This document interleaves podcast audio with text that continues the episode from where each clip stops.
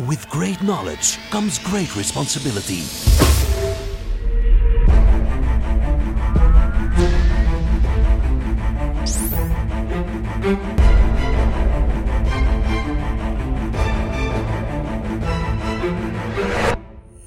Fifty-two topics by Maarten Bové and Kevin Couvreur.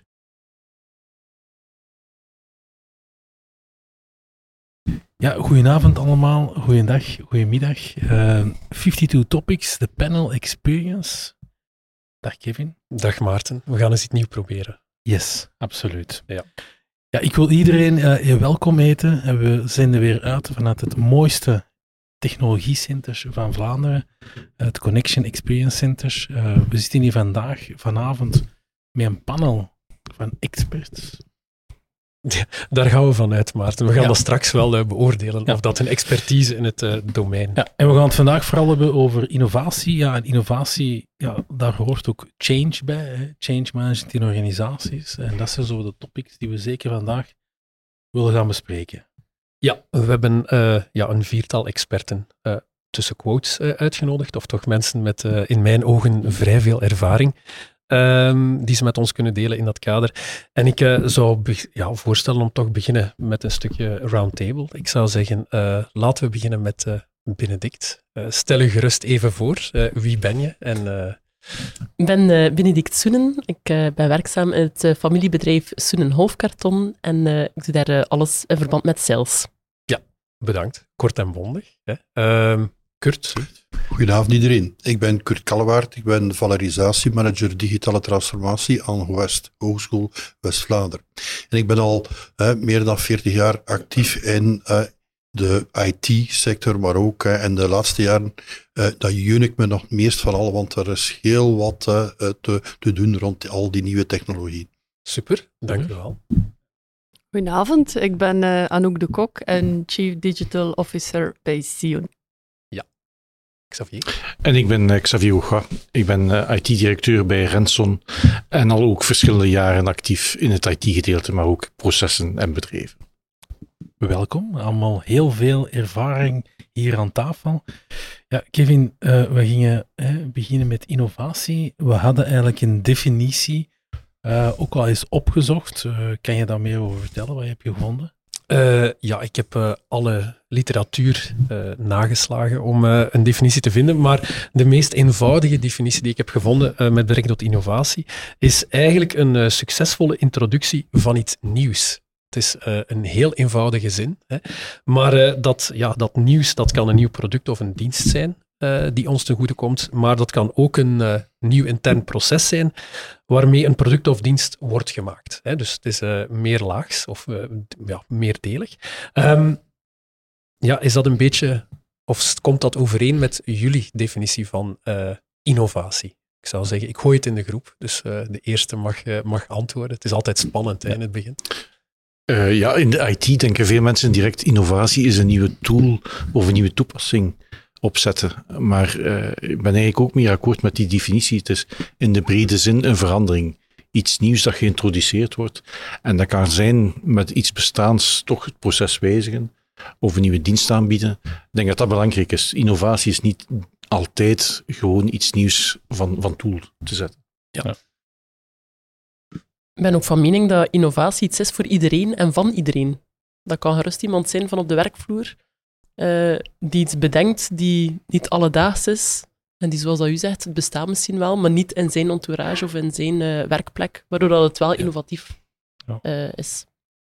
Langs de andere kant vind ik dat innovatie de, van, een, van, een, van een complex proces bijvoorbeeld, dat je daar ook digitale transformatie voor nodig hebt om dat ook te doen slagen dikwijls. Dus, en daar proberen wij vanuit Gewest te zorgen dat we jonge mensen alle, alle technologie aanleren, zodanig dat die ook de diensten van de bedrijven staan om te innoveren door digitaal te transformeren.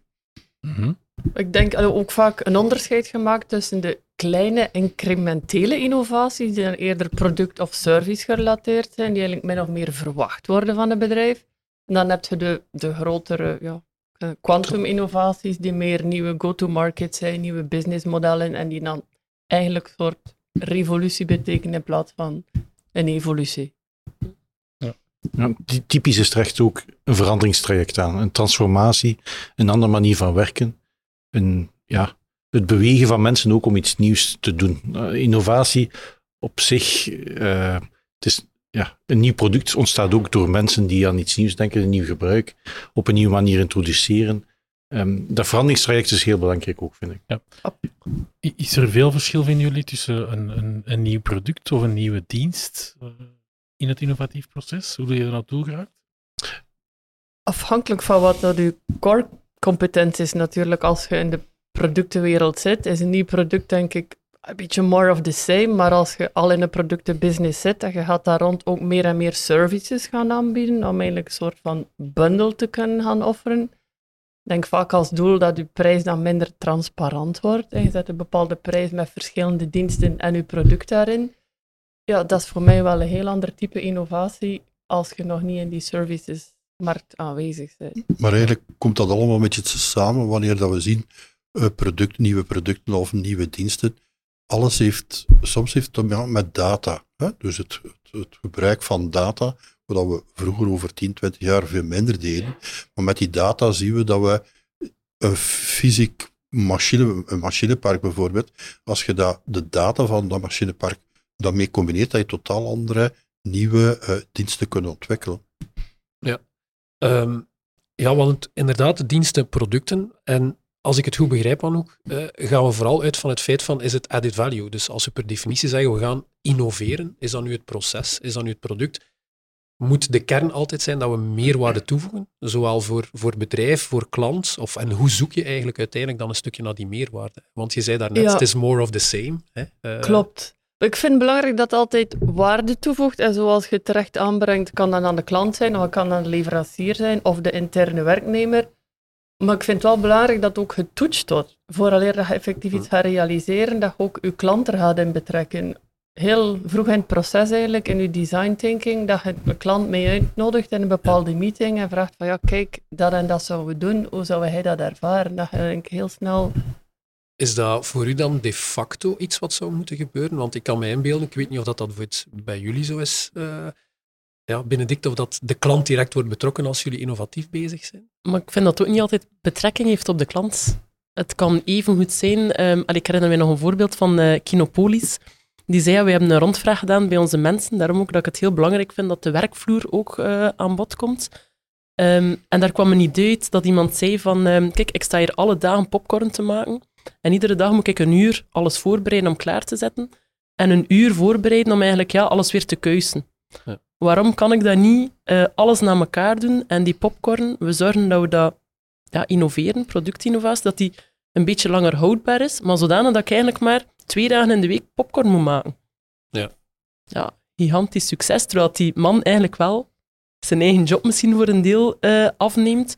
Maar ehm, dat vond ik ook wel heel mooi. Dus het hoeft niet altijd, de klant zelf merkt er niks van. klopt. Maar dat is een interne klant voor mij. Oké, ja, dat kan. Het is altijd Ja. wel direct betrekking op van what's in for me. Het is tweedelig. Ja, ja, absoluut. ja. Wanneer dat we daar met technologie, over technologie spreken, met die werkvloer, daar hebben we wel nog wat problemen mee. Hè? Dus, want de maturiteit van al die verschillende werknemers is niet gelijk hè, naar, naar technologie. Dus dat betekent dat er, wanneer dat je hè, nieuwe zaken inbrengt, innovaties, door te automatiseren of te, te digitaliseren, dan moet je zorgen dat iedereen mee is. Dat betekent dat er ook een proces op gang komt om bijscholing, hè, dat zijn de, iedereen op hetzelfde niveau te brengen. En dat is niet zo eenvoudig. En, en ook iedereen die win-win duidelijk maken. Dan ze weten wat zin voor mij. Ja, Ja. En typisch ook structureert men meer het proces als het een product is of een dienst aan de klant. Maar naar de interne klant loopt het iets minder gestructureerd. En, en, en dat maakt soms dat er, dat er bepaalde aspecten meer belicht zijn of minder. Dat er het idee er wel is, maar dan de begeleiding naar de werknemer op de vloer niet volledig daar is. Hoewel dat we daar heel goed bewust van mee zijn. Maar het is daar gelinkt met ja, de vraag van wat is de meerwaarde? En die meerwaarde is niet altijd monetair op zich, maar is ook ja, tijd die uitgespaard is. Vooral ook nu meer ja, work-life balance, dat ook erbij komt. Want ja, allemaal innovatief ook. We zijn van thuis beginnen werken. Al heeft niet iedereen dat woord ge- gebruikt, maar dat was echt wel een revolutie. om plots iedereen de tools ter beschikking te brengen thuis, een nieuwe manier van werken, een nieuwe manier van te communiceren. Ehm, en de begeleiding was dan misschien niet altijd Ja. super, Ja, want dat is typisch eentje van intern of extern. Ja, daar is een gigantische sprong eh, gemaakt en heel veel bedrijven, eh, veel mensen staan er eigenlijk niet, inderdaad niet bij stil. Hmm. Ja, dat klopt. Maar voor ons was die sprong minder erg, omdat we al met afstandsonderwijs staan. Dus eigenlijk hadden wij al cases en alles uitgewerkt om dat te kunnen doen. Omdat verschillende een- campussen. ja, ja. eh, verschillende kampen, maar ook een andere, een andere manier van eh, studenten bereiken. Werkstudenten bijvoorbeeld, die dan, eh, we- laten we zeggen, at home, at, van thuis uit, eh, laten we zeggen dan eh, hybride gaan werken. Dus dat betekent dat wij al klaar waren, dan komt COVID. Oké, en dan moest iedereen overschakelen. Hè? Lessen volgen thuis. En dat is in het onderwijs toch ook, ook in het secundair onderwijs, mag ik zeggen. Dus overal is dat toch wel redelijk goed verlopen. Hè? Ehm, als ik het dan hoor, hè, een van de spanningsvelden natuurlijk is ook communicatie. Als ik zo'n beetje kan samenvatten waar dat die uitdaging zit, ehm, zie je daar ook nog een keer, enerzijds los van communicatie, maar zie je dan ook nog een keer als het gaat over het topic innovatie, de uitdagingen binnen de generaties ook, binnen bijvoorbeeld een onderneming of binnen een organisatie, waarbij dat je zegt van, ja, is de jeugd per definitie die binnenkomt in een bedrijf automatisch innovatiever of eventueel creatiever eh, dan voor de generaties die al misschien wel langer in een bepaalde job zitten en misschien wat, wat monotoner hun job ervaren. De jonge generatie durft het misschien rapper zeggen. Ah, ze zijn mondiger. misschien wel mondiger. Ja. Of dat ze nu echt veel innovatiever zijn, I don't know. Of is het feit dat iemand nieuw is, dat hij een frisse kijk heeft op een bepaald proces en Ja. op een bepaalde manier van denken, is Dat geloof ik wel. belangrijker dan echt de jongere generatie. Ik denk dat er daar ook verschillende snelheden aanwezig zijn. nieuw, nieuw bloed geeft altijd een, een, een drive naar innovatie. Ja. En ja, jonge mensen die brengen typisch ook wel dat stuk nieuw bloed aan. Ja. Maar het betekent daarom niet dat ze daar innovatiever zijn of niet. Het is een, een stuk mindset, een cultuur die er zit. Je hebt erbij die dan, ook jongeren die dan komen en eigenlijk maar de 9 to 5 doen. Hè. En ze zijn misschien innovatief achter, achteraf in Ja. een padel of een eh, sport of whatever dat is. Maar het, het is ook een mindset eigenlijk. Klopt. Maar je hebt een mix nodig. Je hebt een mix nodig van jonge mensen bij ons, hè, jonge lesgevers of jonge onderzoekers, met dan eh, ervaren onderzoekers of er- ervaren lesgevers. Ja. En als je dat goed mixt en als die goed overeenkomen in een team, ja, dan krijg je daar heel wat meer innovaties uit. En ze, ze moeten ook leren luisteren naar elkaar. En dat is eh, eh, toch wel een, een aandachtspunt. Ik denk wel, als je met nieuwe ideeën komt, dat het belangrijk is om ze te gaan toetsen aan verschillende generaties. Dat denk ik nu wel. Want als je kijkt, de klant van vandaag, hè, of een professionele dealer, morgen staat er daar een andere generatie in de aankopenrol. Dus dat je toch ook een keer denkt van, hoe gaan die morgen eigenlijk in contact komen met ons bedrijf? Ja, ehm, dus leeftijd speelt geen rol. Hè. Eh, Nee. allee, denk ik, generaties spelen daar ook geen rol in. Eh, maar is het dan ook niet zo dat, dat creatief, creativiteit of, eh, of innovatief zijn, ehm, ook qua mindset, ik vind dat eigenlijk een goede dat je, dat je ook aangeeft, Xavier, is, is dat iets waar je mee geboren wordt? Of is dat iets wat je zelf kan aanleren? Is dat ook een stuk cultuur dat je kan binnenbrengen? En, en zo ja, hoe zou je dat doen? Ik ik denk dat het daar is, is, iedereen heeft zijn persoonlijkheid. En daar zijn wel de persoonlijkheidskenmerken van verschillende mensen interessant. Ja. En als iedereen dezelfde persoonlijkheidskenmerken heeft, gaat iedereen op dezelfde manier denken en is er minder kans om iets te creëren. Ja. Als je zit met verschillende persoonlijkheden, de ene die meer denkt en de ander die meer doet, heb je veel meer kans, vind ik, om eh, een creatieve discussie te krijgen, die dan leidt naar iets van innovatief. Want het is door de, de, de bouncen van ideas dat je dan komt naar iets nieuws. Maar een innovatie komt denk ik niet uit één mind. Die Ja. komt uit een kruisbestuiving van verschillende gesprekken dat je gehad hebt, of eh, verschillende mensen. En dat zijn daarom niet altijd de creatiefste mensen, maar gewoon andere ideeën, andere mindsets. Ja, Eh, wil, wil dat dan ook zeggen dat je eigenlijk het beste, de beste ideeën krijgt door verschillende teams en departementen Ja, absoluut. Daar ben ik wel van overtuigd. Ja. Ja. En wat Ja. dat je daarnet ook zei, denk ik zowel Kurt als eh, Benedict, van dat er heel veel kennis bij de mensen zelf zit. Dat je niet altijd extern moet kijken, maar Maar als ze beseffen dat niet altijd. Ja, voilà. Ja. Maar als je een keer durft bevragen en samenzet, hebben zij Of een ongelooflijk keer de waarom-vraag stellen. Ja, waarom doe je dat? Waarom doe je dat zo? Ja. ja, dieper ingaan tot, tot de why. Hè? Van Ja. eh, waarom? Ja, als, wat is het, als je vijf keer vraagt aan iemand, hè, als ze met, eh, naar je toe komen met een uitdaging of een probleem, Hè, en je zou vijf keer de vraag waarom zetten, dat ze eigenlijk automatisch. Me- meestal komen ze bij een oplossing. Ja, en absoluut. en dat wil je niet. De- Maar ik vind het ook wel goed dat er in veel bedrijven, en ik zie ja, in technologie veel start-ups en, en, en die toch een klein beetje op een andere manier kunnen Ja. werken dan, eh, dan de traditionele bedrijven, dat er toch ook ruimte gemaakt wordt voor die ideeën. Bijvoorbeeld de vrijdagnamiddag of een vrijdagnamiddag in een maand kunnen ze hun ideeën pitchen, of is er een soort wedstrijd aan verbonden om ideeën te lanceren. We hebben zelf nu eh, een soort project, eh, Werk-ID, eh, samen met UGent, waarbij dat we eigenlijk ehm, een tool ontwikkeld hebben om eigenlijk de mensen hun ideeën te laten ventileren en dan aan het management te sturen. Want dikwijls is er een drempel om, ja, ik ga de, ja, mijn idee, ik durf dat hier niet gaan uitleggen of, of tegen hè, in die hiërarchische Ziet hij een baas dan niet? En, en, Dan, eh, ja. En, en, en we hebben een tool ontwikkeld, samen met UGent, die daar eigenlijk onderzoek rond gedaan heeft, om dan te zeggen, ja, oké, de vakbond bij ons, bij ons dat is, loopt, ja, dat, dat, dat, dat model loopt dood. We moeten op een andere manier durven de mensen laten eh, meedenken in een bedrijf, meewerken, meedenken. En we hebben een tool ontwikkeld dat ze dan ook gemakkelijk, bijvoorbeeld, ze kunnen een tafel kopen, dus ze kunnen een tafel kopen rond een idee. Dus dat is een gamespel, hè? dus ze kunnen tafel kopen. oké.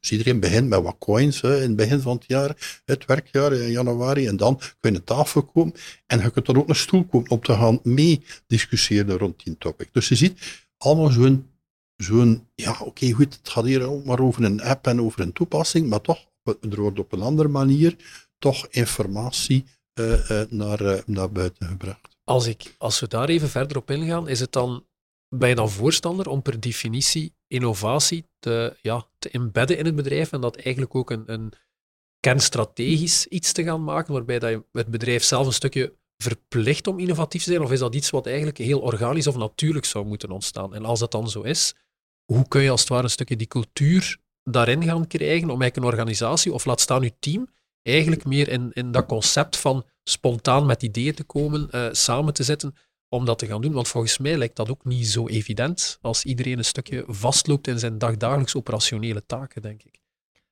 Maar ik denk echt dat de combinatie is van de twee. Enerzijds organisch vanuit de mensen. De een is innovatiever, zoals Xavier zegt, een bepaalde mindset zal spontaan met een idee komen. Maar ik denk dat vanuit management of van middelmanagement wel een bepaalde rol weg ligt van, om dat ook te gaan aanwakkeren. Ja. En hoe kan je dat doen? Is om eigenlijk een stuk psychologisch veilig kader te creëren, waar dat ze effectief met een bepaald idee kunnen komen. En dat je daar dan ook op een allee, correcte manier mee omgaat. Of bijvoorbeeld binnen een digital team voorzie ik dat ze x procent, ongeveer 5 procent van hun tijd kunnen experimenteren. Een Ja. soort idle time waar dat ze eigenlijk creatief kunnen zijn en dat niet direct te maken heeft met de lopende projecten. Mhm. Hopelijk komt er daar misschien iets uit, maar dat we Mhm. altijd een stukje ahead zijn Ja. van wat dat er mogelijk Maar- op ons afkomt. Maar daar zijn wij mee bezig nu om die, met die technologieën of die nieuwe technologieën ook naar die KMO, naar die kleinere bedrijven te brengen. En eh dat zijn samen eh, een proof of concept of iets te bouwen, zodanig dat ze ook, want een kleiner bedrijf heeft meestal het budget niet of, of, of toch ook nog niet de, de kennis om, om bepaalde technologieprojecten op te starten die eh, innovatie kunnen bijbrengen. Dus en wij proberen samen te werken, ook met kleinere bedrijven. En daar wat, wat innovatie via die digitale transformatie eh, binnen te brengen. En dan zien we dat dat wel lukt. Maar zelf zullen ze niet ja, de stap gezet hebben eh, naar een commerciële partner om dat, om dat op te starten en, en, en offertes aan te vragen, want ze wisten niet goed, wat kan dat? En met een kennisinstelling zoals ons, samenwerking, ja, die stap is, is kleiner. Hè, en dat, dat gebeurt wel. En ja, worden studenten dan ook een stuk begeleid om, om, om innovatief na te denken? Ik weet niet of dat eigenlijk de juiste term is, eigenlijk, innovatief nadenken. Worden ze daarin gestimuleerd om, om inderdaad vanuit zichzelf ook, als ze ja, later in de bedrijfswereld terechtkomen, ja, een stuk die tools, die ervaringen rond, rond die aanpak binnen te brengen in ondernemingen? Ja, natuurlijk, ze moeten, ze moeten daar eh, gecoacht worden. Hè. Dus uh, dat zijn die communicatieve vaardigheden en, en hoe ga je nu een brainstorm organiseren bij, bij uh, laten we zeggen, in een bedrijf en hoe, en hoe ga je omgaan. Dat, wat, natuurlijk gaat dat meestal al in het derde jaar zijn, voordat ze op stage gaan, maar in een derde jaar, die eerste semester, kunnen ze toch al, bijvoorbeeld, we hebben, ik denk, uh, 150 gemeenten en steden al gepentest. Hè. Het is een topic voor vandaag. Hè. Eh, gepentest. Dus zij moeten dat zelf hè, bij je gemeente gaan aankloppen. Eh, zorg met die IT-dienst dat ze daar eh, een aantal zaken kunnen gaan controleren rond, eh, rond die netwerk en rond die software. Dus we leren ze autonoom hè, omgaan met mensen en ze worden gecoacht en, en kijken dat ze daar Ja. toch eh, ja, de job leren. Hè, want eh, Nu, je kunt dat ook triggeren in bestaande organisaties. Hè. Als je zegt, iemand die afkomt met een oplossing, zegt van nee, kom niet af met één oplossing, maar eventueel drie oplossingen en zeg mij waarom dat die ene de beste is. Ik denk dat dat ook belangrijk is om, om die mindset te installeren. Nu, een ander puntje dat erbij is ook bij mensen is, je moet oppassen met degene die innovatie triggeren en creëren en degene die innovatie ondergaan. Je hebt altijd een deel van het publiek die innovatie ondergaat en die daarom niet continu die nieuwe wave van nieuwe dingen kan, kan, kan absorberen. Dat soms is in een organisatie, innoveer op één vlak, even terughouden en innoveer dan ondertussen op een ander vlak. Want bij, bij sommige organisaties, als je het continu op hetzelfde doet, krijgen mensen eh, ja, burn-out of last om, om het te begrijpen en, eh, en echt erin te, erin te Mhm. Zou je dan kunnen zeggen dat je ook te veel kunt innoveren? Of dat je kunt over-innoveren? Of Bestaat te dat? snel. Ja. De- daar, daar is risico aan. En je hebt mensen die in burn-out gaan.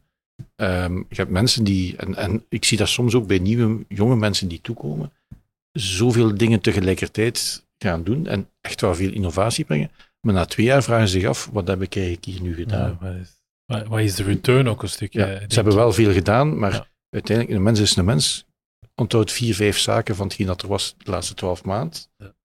Maar als je op twintig zaken hebt gewerkt, je, je moet dat begeleiden ook. De innovatie is, zoals ik zeg, is een stuk mindset. Is begeleiden van wat doe je, onthoud dat, wat dat je gedaan hebt, vernieuw, om, om die trigger te hebben en, en dat vliegwiel in gang te krijgen. Dat vind ik een hele belangrijke. Innovatie is niet alleen iets in de markt zetten, maar dat ook verder begeleiden. Want vaak sterft dat ook aan een stille dood. Hè. Zeker als je over tools of software spreekt. Iets revolutionairs wordt in bedrijf gezet, maar het wordt niet gedragen door de mensen, of het wordt niet verder op gebouwd, of er worden geen KPI's tegenover gezet.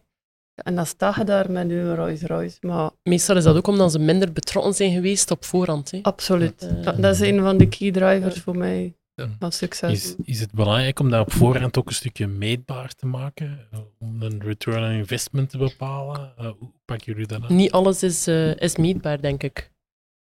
Hey, eh, Maar wat is meetbaar Ja. natuurlijk? Hè? Ik zou daar toch wel iets tegenover zetten. Van stel, hey, we gaan een webshop doen of zo. Dat je toch wel zegt, ik wil zoveel klanten eigenlijk onboarded hebben. Ik mik op zoveel online omzet. Maar dat mag geen reden zijn voor Nee, maar dan kan het ook zijn dat je zegt, ik heb, ik heb tijd bespaard. Maar hoeveel tijd? Of, of wat- ja, maar, maar ik heb wel tijd bespaard. Ey, eh, Ja, maar één- dat, dat dan juist een uur is, of dat is een, een uur en vijf minuten.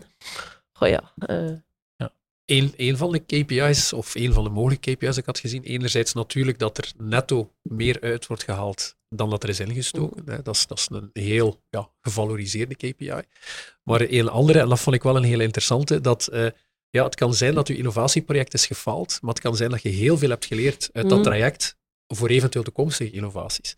Eh, klopt dat? Allee, is dat? Is dat inderdaad? Maar het kan natuurlijk ook wel zijn dat je kunt blijven innoveren. En uiteindelijk, ja, het is toch gefaald, maar we hebben er veel uit geleerd. Het is ook typisch in de start-ups zien dat je tien start-ups hebt en dat er misschien twee of drie vooruit gaan. Ik denk dat dat in alles ook is, ook als je ziet hoe dat een kind evolueert, om iets vast te grijpen.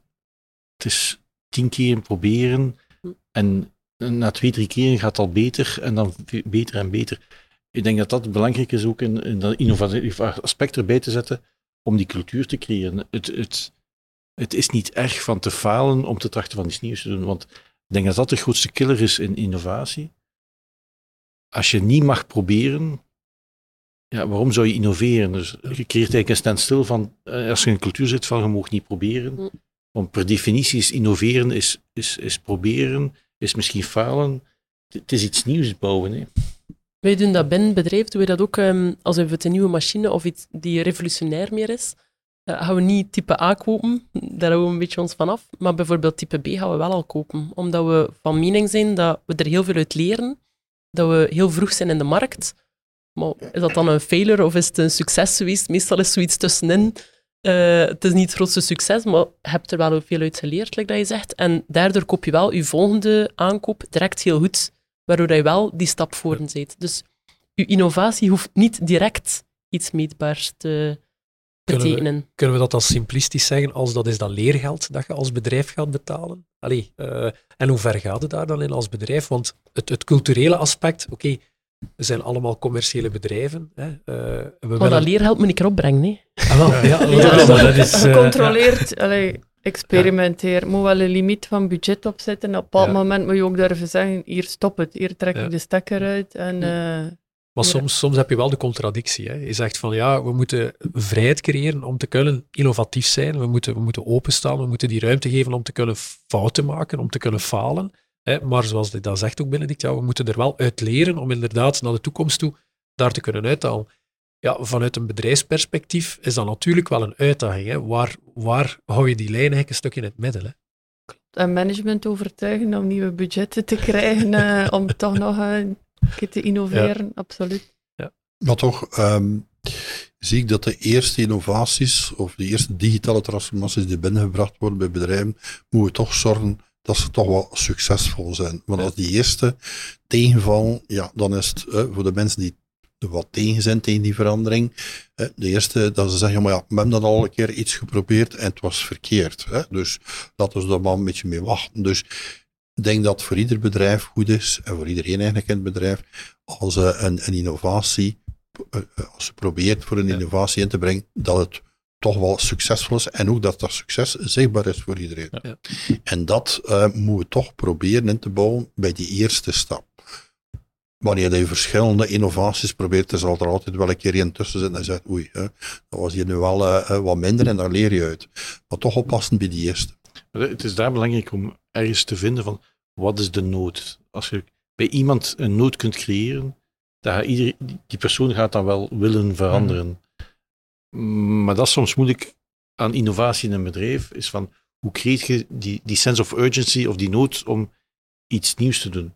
Want bij manier van spreken, ja, als je een bestaand bedrijf bent en je bent bijna failliet aan het gaan en dan pas te beginnen met innovatie, dan zijn je veel te Ja, le- later. ja. Dus je moet eigenlijk op het moment dat je al goed zijn, die nood vinden of, of die drive creëren van ik wil beter of ik wil weer iets nieuws doen. En, dat en dat is wel key. Dat, dat is niet altijd gemakkelijk om te vinden. En soms is dat misschien een keer s'avonds aan een tap of aan een bar dat het creatieve idee naar voren Ja. komt. Maar je moet die omgeving creëren. Of soms ook als het kan, in kleine stapjes gaan. Allee, als ik u hoor spreken over digitaal, digitaal vind ik is iets typisch dat je kunt eerst in een klein stapje doen. Mhm, ja. En dan iedereen is er een beetje mee weg. Iedereen ziet een beetje de noodzaak, doet er een stapje bij. En zo creëren, denk Ja. ik, meer en meer ook dus- draagvlak. Dus dat dat wij doen, proof of concepts, kleinere, kleiner Ja. projectjes. En ze zien dat dat lukt. Ah, ja, oké, dan kunnen ze, eh, dat bedrijf dan een, een grotere stap zetten en dat gaan eh, implementeren op grotere schaal dan. Hè.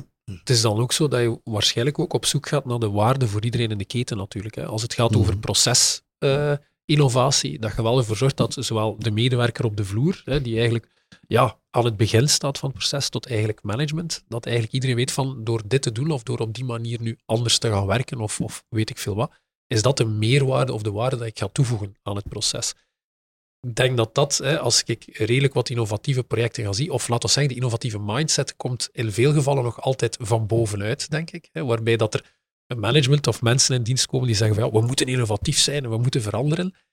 En dan natuurlijk, dat is, die cultuur zit daar misschien, of dat idee zit daar. Maar het is ook een zware last voor die enkelen binnen een bedrijf soms om ja, die innovatiecaravaan te laten blijven bewegen. Je moet wel iedereen meekrijgen. En ik denk dat daar misschien ook wel een grote uitdaging zit. Het, het vraagt energie. Sommigen zijn misschien creatiever, en- Ja. maar het vraagt energie om, om, om, om dat iedere keer te sparken. En daarmee dat ik zeg van, kun je zo'n paar vragen stellen van, geef mij drie scenario's in plaats van één Ja. oplossing. Ehm, om, om de mensen te doen denken. Maar uiteindelijk is het, het is die behavior, het is dat, Ja. dat gedrag dat je moet creëren, dat continu vragen naar, naar die, die uitdaging creëren en, en die nood van mensen om, om vooruit te gaan. Als je dat niet creëert, dan zit je vast. Ja. En spijtig genoeg is dat soms zo in de overheid, dat op sommige fundamentele as- aspecten is er niet die spark om te vernieuwen, op andere wel. En, en eh, ja, dat is vinden, wat, wat is daar die nood en wat is het. En, en dan is het spijtig als we kijken naar de geschiedenis. Sommige grote innovaties zijn te gevolgen van een oorlog of iets dat volledig kapot gaat. Dat er dan echt wel volledig op een andere manier gedacht wordt en, en echt een innovatief idee naar voren komt. Dus eigenlijk een hoge urgentie kan echt een serieuze katalysator zijn om te innoveren dan. Dat hebben we gezien met corona ook. hè. Ja. En is de energiecrisis dan ook een, een, een bron van innovatie voor jullie? Ik denk dat iedereen ook wel innovatief op zoek gaat naar hoe kan ik minder energie verbruiken. Ja. Dat lijkt me evident. Al is het maar met de jas zonder mouwen op kantoor zitten. ja, ja, ja. ja, ik denk dat daar een heel belangrijk spanningsveld is ook tussen de, de interne innovatie die je binnen een bedrijf hebt ja, en de externe innovatie die je nodig hebt om relevant te blijven voor je klanten natuurlijk. Ehm, een heel interessante, eh, bij bedrijven, dus vooral de voedingssector ook, maar ook eh, bedrijven zoals Nivea bijvoorbeeld, die externe innovatie heel hard op inzetten, maar die eigenlijk heel een tijd maar producten lanceren en die eigenlijk niet zeker weten, gaat dat nu succesvol worden of niet? Dus in ROI is er altijd heel onduidelijk. Ehm, omdat ze ook niet goed weten wat de klanten willen, dus ze lanceren niet. En laten we zeggen, 10, 20 procent van de producten die breken door. Ja, en 80 procent faalt. Ehm, is dat iets dat jullie ook merken? Hebben jullie genoeg contact met de klant? Eh, hoe, pakt je dat aan?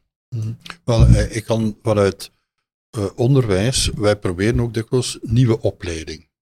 En inderdaad, dat is altijd, ja, oké, bang afwachten.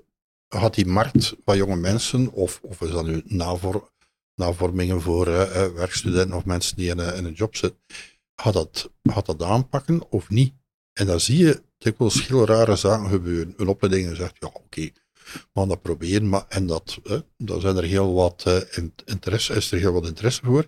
En dan andere zaken dat je, dat zegt, kijk, dat is nu echt een opleiding dat iedereen, bijvoorbeeld energiemanagement bijvoorbeeld, en dan zie je ja, dat dat veel minder aanslaat. En, dat is, en de oorzaken zijn niet altijd duidelijk hoor. Dus, eh, Eh, een praktische vraag. Als jullie morgen het aanbod krijgen om een mega innovatieproject te mogen starten of vastnemen, wat, wat zijn zo die eerste stappen die je onderneemt om eh, daaraan te beginnen? Een moeilijke vraag, hè? het is een open Voor vraag. mij is dat draagvlak vinden in de organisatie. Eigenlijk verschillende stakeholders uit verschillende afdelingen gaan toetsen van Ja. is dat iets die resoneert bij jou, Eh, liefst uit verschillende invalshoeken. Want als je een bepaald idee lanceert, heb je eigenlijk wel heel veel verschillende invalshoeken nodig om te weten van ja, hoe gaan we dat nu realiseren. Je denkt ook niet end-to-end waar dat mogelijk overal een impact op heeft. Dus dat vind ik wel belangrijk, dat er een breder draagvlak is in de organisatie. ook, ook, eh, welke nood ga je oplossen? Ja. Nou, de- je moet ook al, altijd opletten van de klanten weten daarom niet altijd wat dat die nood is. Om je het voorbeeldje te geven bij Apple, toen dat ze eruit kwamen met een iPad, welke klant vroeg een iPad? Ja. Mhm. Niemand. We gingen onze krant daar toch niet op lezen. Voilà.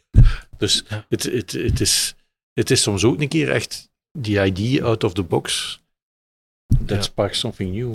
En Ja. als ik me niet vergis, het- een iPad is zo'n voorbeeld. Een tablet was al eens op de markt gekomen, Ja. maar eenmaal zonder succes. Maar Ik denk, ik denk dat daar dan weer de andere discussie valt. Ik denk dat het, het product as such, hè, er zijn er veel die geëxperimenteerd hadden met, met dergelijke soort producten, met touch interface en dergelijke meer. Maar ik denk dat de kracht misschien daar ook was dat ze heel innovatief waren in, in interface. En hoe dat een gebruiker daarmee kon gaan werken. en ook de design eigenlijk. Ja. Hè, want eh, ja, iets moois, iets, als je daaraan komt, dat is een totaal andere gevoel Ja. dan, dan een ander product. Hè. Dus, dus, En vooral gebruiksvriendelijk.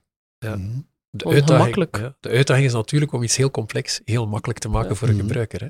Ja. Ik denk dat dat de, de grootste uitdaging is. Hè. De- waarbij dat nu het principe van, ja, het is maar een appje installeren of maar gaan doen. Maar dan zien we dat die innovatie zit niet zozeer in het product. Nee, maar je zegt juist, tablets bestonden al.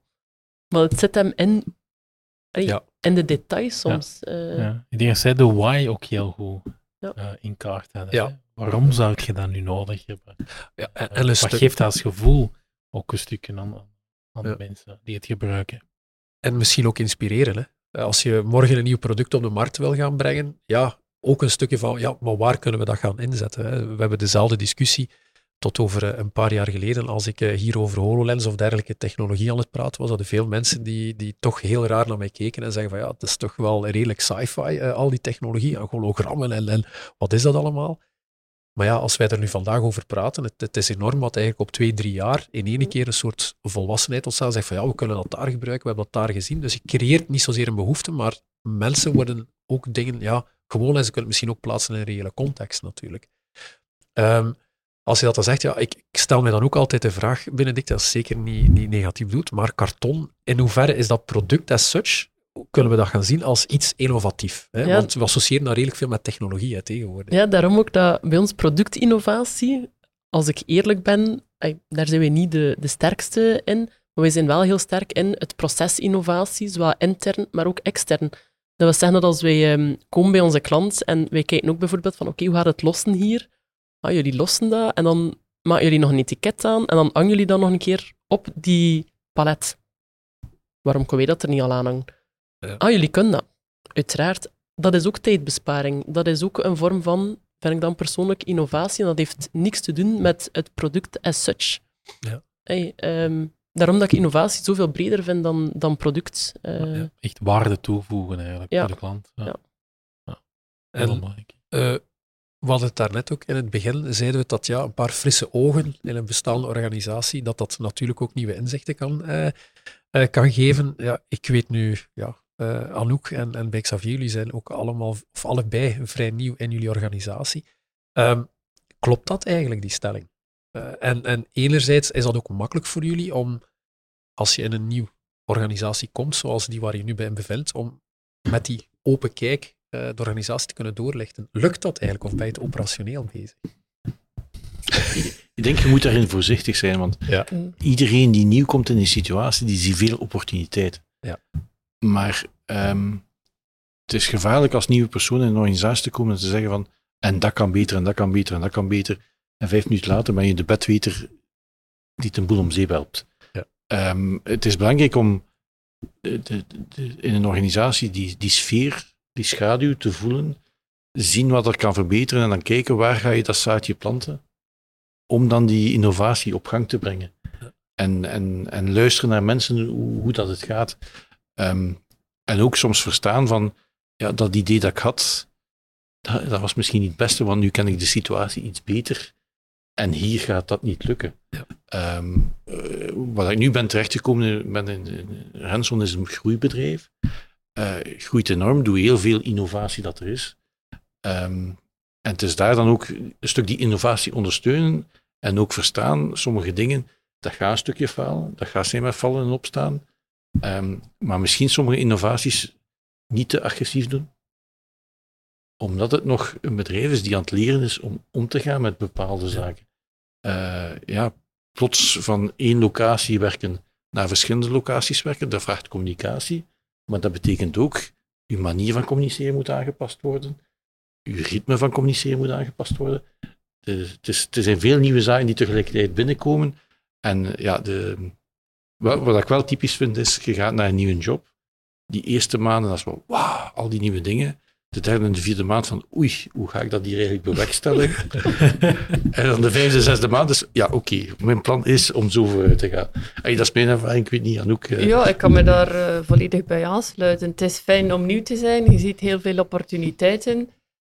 Je denkt minder in beperkingen, denk ik. Mensen die al heel lang ergens zitten, zien natuurlijk van, ja, waarom zou dat niet werken? Denken misschien eerder, het zal niet lukken. Terwijl dat wij daar misschien met een frisse wind in komen. Maar dat het wel belangrijk is dat we die ideeën gaan toetsen bij de mensen. Hebben we het al geprobeerd? Leeft dat idee?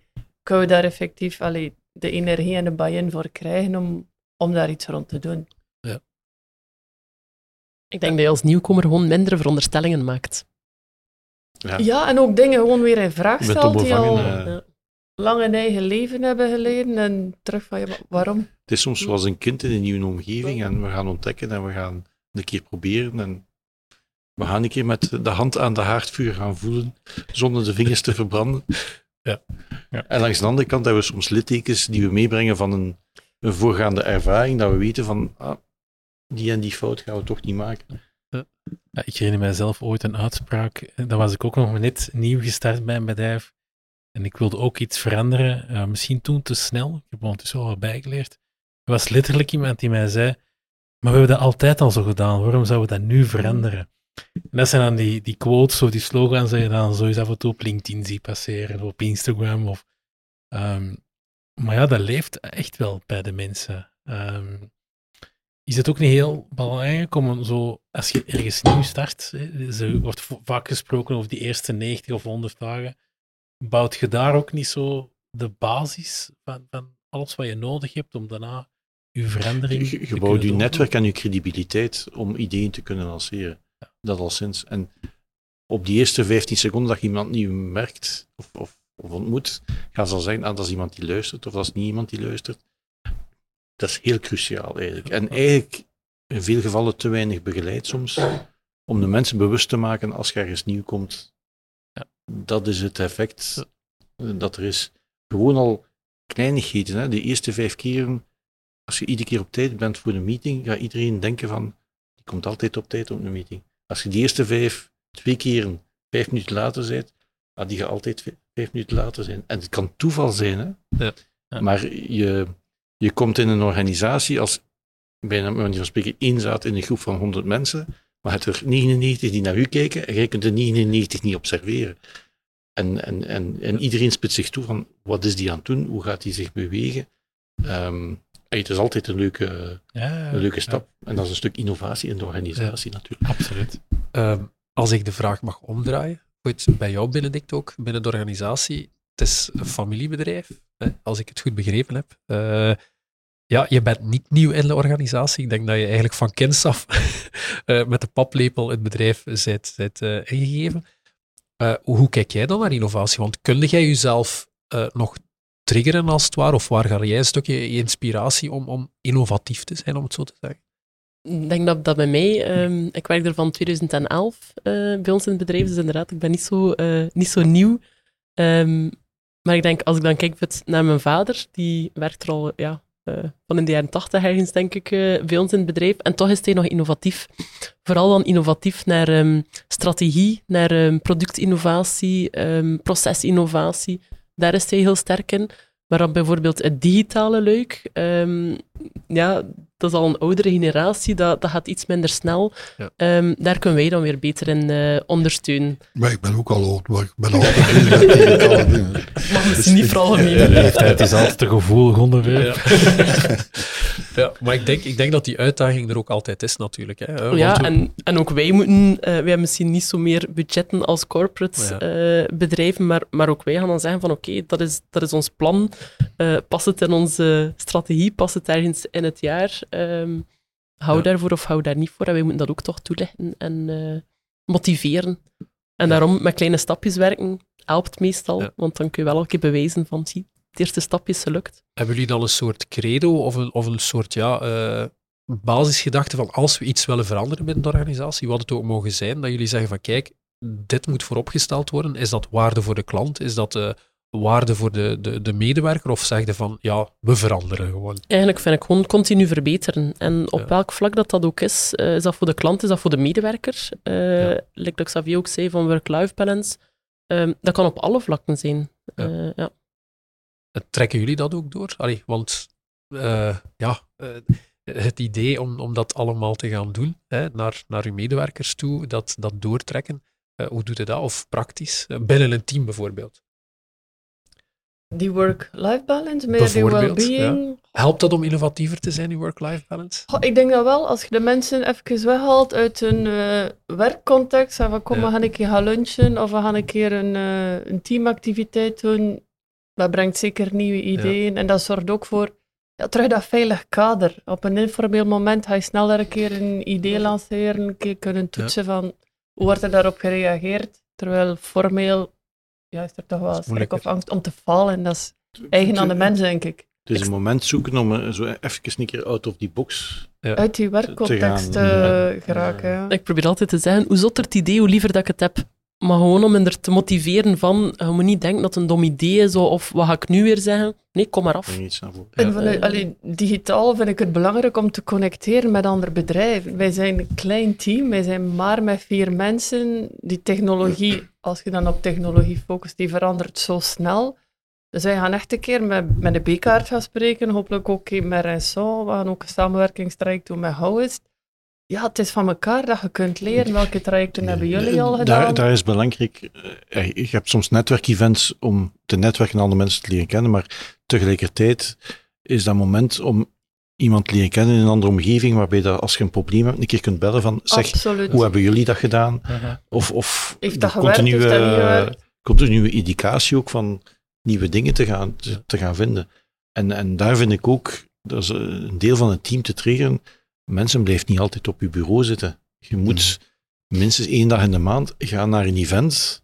Absoluut. Het is misschien, sommigen hebben dat niet graag, een beetje netwerken of zo, maar gewoon al een keer open je ogen, zie iets nieuws, Ja. het brengt nieuwe hoort een keer ideeën. iets anders. Dat is ja. iets wat we proberen in het onderwijs ook en in die kennisinstellingen. Eh, ik ben nu wel iemand die al die events doet en, en, en altijd op de baan is. Eh, een beetje een uitzondering. Maar ehm dan zie ik niet veel mensen uit dat onderwijs eh, eh, op die events. Niet veel. Bedrijven zijn er, overheden wel eh, enzovoort. Maar dan het onderwijs, die kennisinstellingen, die blijven op die veilige campus, die, die, die, hun bureau, hun koffiemachine, ze, staan, en ze zijn daar inderdaad mooi onderzoek of, of goede lessen aan het doen. Maar toch is het zeker nodig om in Europese projecten, hè, vooral met die buitenlandse projecten, te, eh, eh, laten we zeggen, eh, zorgen dat je daarin zit.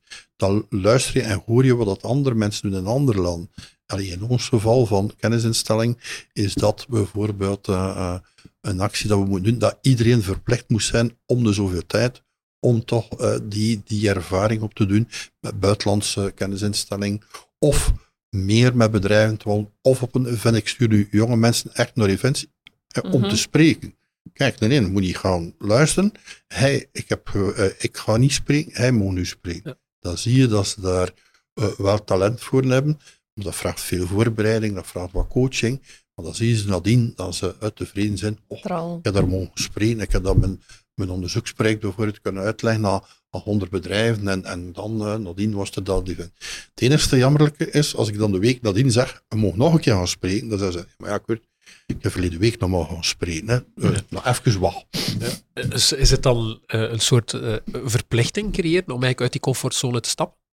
Ja, Ah, wij moeten dat zeker doen, omdat we zijn continu met technologie bezig en dergelijke. Je kunt dat niet, technologie alleen aan gewest bouwen kan je ook niet. Hè? Dus Ja. je moet openstaan voor wat er gebeurt in andere landen, in andere, met andere universiteiten. Dat fundamenteel onderzoek aan de universiteiten, dat praktisch wetenschappelijk onderzoek dat wij dan doen in de hogeschool. Dus, dus je moet continu, ik sta continu in contact. Morgen ga ik naar KU Leuven, verleden week naar UGent. Continu die, die interactie met dat fundamentele onderzoek, dat nog niet direct toegepast kan worden in bedrijven. Maar wij moeten daar zorgen dat we echt dat, praktische wetenschappelijk onderzoek doen om heel snel zoiets naar een bedrijf te kunnen brengen. Eh, ja, ik ben het denken om een keer, alleen omdat we daar eigenlijk al zo naar een persoonlijke toets aan het gaan waren rond innovatie. Ja, voor elk van jullie, wat is de laatste keer dat je zo het gevoel hebt gehad, zo van een soort, niet zozeer een aha-erlevenis, maar dat je zegt van, verdomme, dat vind ik nu wel een keer... Oei, sorry, ik heb gevloekt in een podcast, sorry. Het Eh, is niet in de kerk. Ja, het is niet in de kerk. Maar dat je zegt van, dat vond ik nu een keer innovatief, of dat heeft mij nu een keer getriggerd. Is dat, is dat iets dat je vrij snel naar boven kunt halen, of is dat al vrij lang geleden?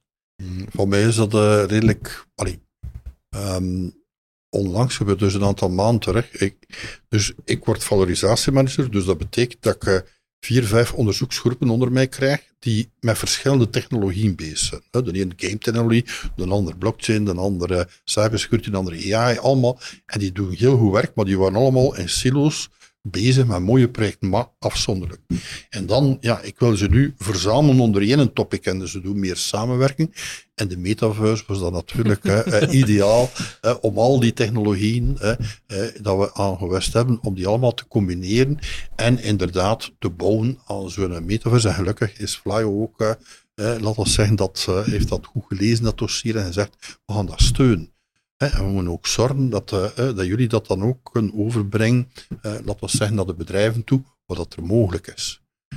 En ik denk dat, dat die virtuele wereld, hè, waar, dat we, hier, waar ik hier over spreek, weer een grote uitdaging Ja. is. Met heel wat mogelijkheden, maar ook valkuilen, probleem, maar ook veel mogelijkheden. Ja. En die, aangezien dat we daar nu ook, laten we zeggen vanuit gewest, met onderzoek en ook opleiding straks, Ehm, en ook in samenwerking met Vleriksschool ook opleiding te vormen rond, die, rond Hannes. Wat voor businessmodel kun je nu gaan doen in die virtuele wereld? Als we dat allemaal combineren, ja, dan vond ik toch wel, toch weer, dat er iemand van 62 jaar oud in gewest moest zijn, we gaan dat doen. En dat, dat dat dan ook gebeurt en dat iedereen zich daarachter zet en, en dat, eh, dat dat ook vlot verloopt. Dus, dus ik denk dat, uh, ja, je moet, moet eens geluk hebben, maar geluk ja, geluk zoek je ook. Dat is een gevolg. Hè? Dat is een gevolg. Je moet daarmee bezig zijn. En als je zegt, wat is dan uw, wat is dat eigenlijk uw, uw geheim? Hè? Om, om toch, uh, wel, al twaalf jaar lang, of vijftien, vijftien jaar lang, iedere zaterdag lees ik vijf kranten, zeven dagbladen, van alles. Hè? Alle soorten uh, dingen, technische, niet-technische. Uh, dan, dan, dan, dan studeer ik nog. Ja. Hè? Dan ga ik nog zaken gaan opzoeken en gaan doen. En plots krijg ik dan Hè, combinaties, oh, moest ik dat hier nu? AI met cybersecurity combineren. Oeh, dat kan ik hier veel hè, gemakkelijker hè, zaken monitoren in die productie bijvoorbeeld. Dus door al die ervaring dat ik al opgebouwd heb van 1985 tot nu, kan ik natuurlijk zie ik veel sneller de combinaties, ja. de mogelijkheden. Hè? Dus, en, de, en, dan, en dan zien we dat die technologieën die er zijn, eigenlijk, als je ze allemaal samenbrengt, hè, zijn ze nog veel sterker dan dat ene technologie. Ja, doet mij zo terugdenken aan het, aan het uh, innovatieverhaal van de wekker en de radio. Ze hebben er een wekkerradio van gemaakt. Echt combineren mm -hmm. uh, zorgt wel voor innovatie. Uh, dus het gaat vooral over inspireren. Hè. Een stukje, als we dat dan breder trekken, waar haal je inspiratie van om eigenlijk constant een stuk dat, dat innovatief denken te kunnen hooghouden? Het is een beetje een variatie op mijn vorige vraag. Ja, ik denk van andere bedrijven. We hebben het er dan net even over gehad. En binnen IT en of het digital team is het gemakkelijk om ze te porren, hè, om ja. te kijken naar de outside world. Maar ik breng bijvoorbeeld ook graag bedrijven binnen bij Sion die ik komen spreken, maar dan eerder voor de business, mensen van productie of mensen van sales. Um, gaan we nu bijvoorbeeld Xanders laten komen. Hoe hebben zij de move gedaan van offline sales naar online sales? Dat is wel representatief voor ons, maar dan kunnen ze een keer leren van hoe hebben jullie gedaan, wat zijn de valkuilen, ja. wat werkt er goed, wat werkt er niet goed. En we zijn onlangs ook bij Bekaart geweest, naar de ja. HoloLens een keer gaan zien. En hoe hebben zij dat ingezet, wat kunnen wij daarvan leren. Maar in het niet alleen IT-mensen, maar ook businessmensen daarin uh, betrekken, dat je die ook... Ik vind dat je uit ieder verhaal uh, wel iets meeneemt. Is zelfs een bedrijfsbezoek, um, een ondernemersverhaal, het is altijd wel iets dat je zegt, ah ja, wacht, als ik dat nu een keer toepas op mijn verhaal en op mijn... Um... Ja. Dus het zit overal eigenlijk. Innovatie zit eigenlijk in de kleinste dingen. Hè. Het kleinste contact, het grootste contact, ja. het zit eigenlijk overal. Het zit niet in uw ivoren toren. dus we moeten, we moeten meer buiten gaan. We moeten, we moeten inderdaad, zoals de echte Vlaming... En naar hier komen. Uh, naar hier komen, voilà. Ja. Ja, absoluut, dat is zeker ook wel een belangrijke. Um, ja, het, het ging juist inderdaad, om even terug te gaan naar uw vraag, hè, wat zijn zo die persoonlijke aha-momenten van innovatie? Uh, Kurt is vooral aan het woord ge, ge, geweest daarover. Zijn er nog andere mensen die hun uh, persoonlijk verhaal uh, willen delen? Of successen. Of, of successen. Of, ja. Ik ben nu aan het denken dat ik er enorm over nadenken, zo ze beter noteren. Zodanig dat ons meer bewust is ja. dat we wel zaken doen. Ja. Maar ja. ik denk dat dat ook een beetje teruggaat op wat Xavier ook zei daarnet. Hè. Ja. Ik denk dat we eigenlijk al heel veel gedaan hebben en eigenlijk soms ook niet meer weten wat dat we allemaal gedaan al hebben of gerealiseerd hebben. Om ook een stukje een soort staat van dienst uh, te kunnen hebben om te zeggen van we zijn eigenlijk wel innovatiever dan we denken. Ja, en ik denk dat als je erover nadenkt en je gaat daarover gaan zeggen van ah ja, dat en dat, dat je wel een hele lijst gaat maken hoor. Ja. Met kleine zaken en misschien ook een paar grote zaken, maar... Um, ja. Uh, ja. Dus uh, ja, um, ik denk in ieder geval dat we ik heb toch weer al heel veel opgestoken, Maarten. Ik weet niet uh, hoe jij daarover denkt. Ja, zeker en vast. Zeker en vast. Um, ja, ik denk uh, een topic waar we misschien nog iets dieper op zouden kunnen ingaan, is alles rond change management. Ja. Um, is toch ook wel een hele een belangrijke, als je het mij vraagt, het, het menselijke aspect van, van verandering dan vooral. Um, ja, hoe gaan jullie daarmee om? Hebben jullie er methodiek voor? Of hoe dat... Innovatie en uh, change management, dat hoort samen. Dat zit samen in één. Ik denk ja. dat je niks innovatiefs kunt verwezenlijken zonder dat je een change management hebt. Dus daarom dat ook al, zoals we hiervoor nog zeiden, het draagvlak heel belangrijk is. Uh, je moet een breed draagvlak creëren. Mensen moeten zien wat for me. Um, en dan stapje per stapje ja. gaan. Dus, uh, en binnen change management zelf, wat is dan voor jullie heel belangrijk? Of eigenlijk een onderdeel van het change management? Ja, wat, wat, ik ga het anders zeggen, waardoor kan het lukken of waardoor kan het falen eigenlijk, change management? Wat is volgens u het grootste obstakel om succesvol verandering te doen? Och, ehm, eh, je kunt ook hebben dat er één eh, het absoluut niet verstaat en de rest eh, continu mee beïnvloedt en Ja. zegt, goh, wat zijn we hier nu weer aan het doen? En waardoor dan de ander ook weer zitten te twijfelen. En eh, dat, wil je, dat wil je absoluut niet. Eh, daarvan dat dat draagvlak, en ik denk, voordat je het innovatief idee doorvoert, dat dat heel bijzonder is, die tijd ervoor, dat je iedereen goed uitlegt van waarom doen we dat hier. Ja, ja. Ehm, Die betrokkenheid. ja. Dat, be- de- dat bewustzijn. Mm. Het is, het is, eh, je hebt, je hebt zo'n een techniek ADKAR en dat is, dat Ja. eerste is aware zijn, bewust zijn, waarom is die verandering. En soms weten we wat we moeten doen om te veranderen en zeker ook als nieuweling weet je wat er allemaal moet zijn, maar als de mensen niet Mhm. bewustzijn hebben van waarom die verandering, eh, blijft niet plakken. Hè. Ja. En ook breed genoeg gaan. En Bijvoorbeeld, ah, terug dat voorbeeld van een webshop, heb je ook mensen van legal nodig. Moet je heel vlug ook de mensen betrekken. Als je B2C doet, wat moet er daar allemaal opkomen? Wat mocht je doen? Wat is de return policy? Dat is misschien niet iets waar ik direct ga aan denken als je online business gaat doen. Mm. Maar eh, hoe meer stakeholders, hoe belangrijker en hoe breder het draagvlak. En hoe meer tijd je misschien nodig hebt. Absoluut. Was zo vlug iets pushen omdat je denkt, ah, ik weet dat dat hier wel ja. impact gaat hebben. No way. En eh, Wordt geen snelheid gepakt. wie, wie- hoe bepaal je ownership van zo'n innovatieproject? Dat vind ik een hele belangrijke. Absoluut. Dat er Ja. iemand een hart in neemt. En zeker met digitale projecten spreekt je dan hey, over de process owner. Hey, wie is er eigenlijk verantwoordelijk om de richtlijn te gaan bepalen waar dat naartoe moet? En dan de klassieke raki eigenlijk. Ja. hey, En- eh, en soms is dat een beetje politiek. Hè. Soms is dat van uw grootste tegenstander, degene die het minste gelooft, dat etiketje op zijn schouders of haar schouders leggen. Smart. En, Het, het, Zij- het, het- het is met mensen omgaan. En het spijtige van de zaak is, met mensen omgaan, dat is hetgeen dat je door ervaring leert. Er is geen boekje die de magical formula heeft, die kan u wel inzichten geven. Ja. Het is hetzelfde als kinderen opleiden. Je leert kinderen op naar iets. En, en het is hetzelfde dat je kunt, je hebt maar één kans. Het is niemand tituleert. Ja. En als het goed gaat, dan is het sowieso leuk. Xavier, je je begon juist ook over AdCash, hè? Eh, zo'n bekende change management methodologie. Ehm, ja, in veel andere landen hè, merk je, hè, eh, als er projecten zijn of innovatieprojecten, dan is er altijd een project manager, een innovatiemanager.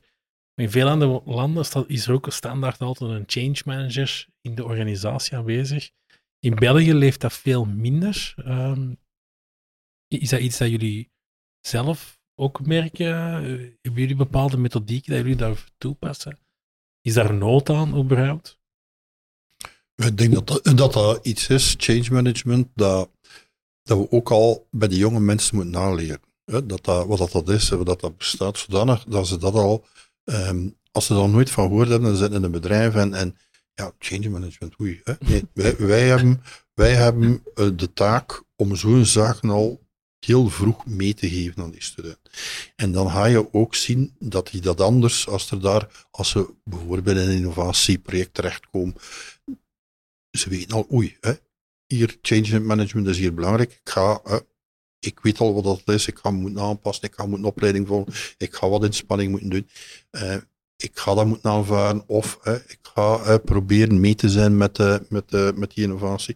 Dus heel belangrijk dat we dat, hetzelfde, change management, risk management, dat zijn allemaal zaken dat we veel te laat leren. We leren dat dan ja, in een bedrijf, dus eigenlijk willen wij dat nog veel meer al aan de jeugd meegeven in die bachelor- en die masteropleiding, zodanig dat ze dat al goed kennen, die principes, en dat ze daar dan ook eh, anders mee omgaan.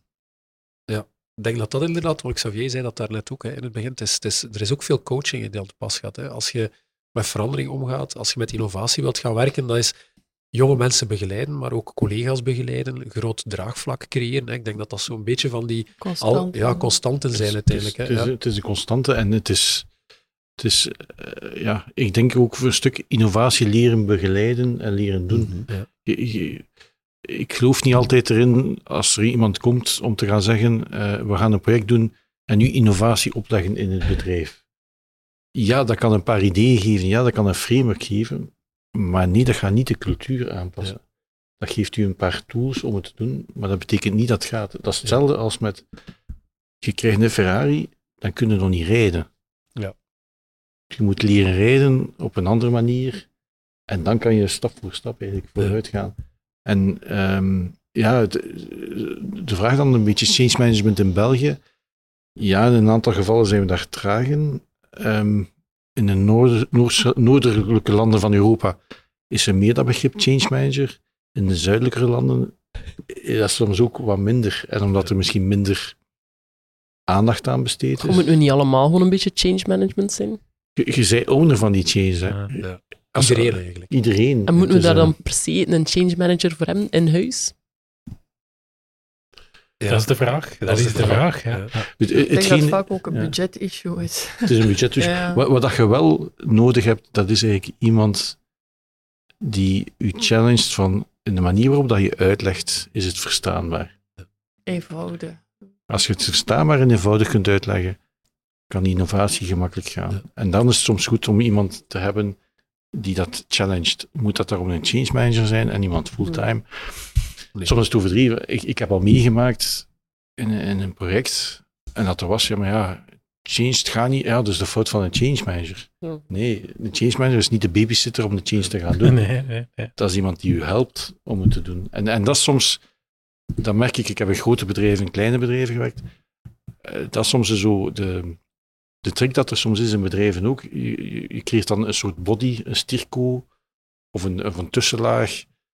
Maar ja, in hoeverre is dat een- ofwel een paraplu en een babysit, of is dat iets dat echt een, een, facilitator is, een katalysator om het sneller en beter te doen.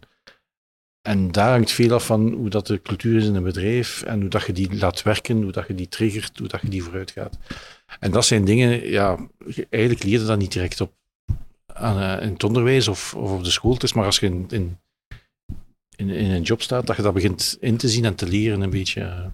Het echte leven eigenlijk.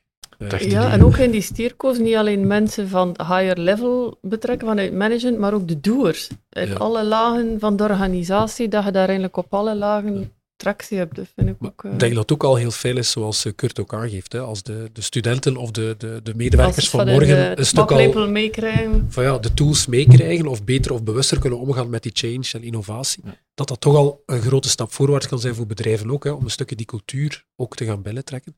Ehm, ja, ik eh, ben zo aan het nadenken. Ik was zo daarnet aan het nadenken van hoe kan ik dat resumeren, eigenlijk het gesprek dat we hier vandaag al een stuk gevoerd hebben.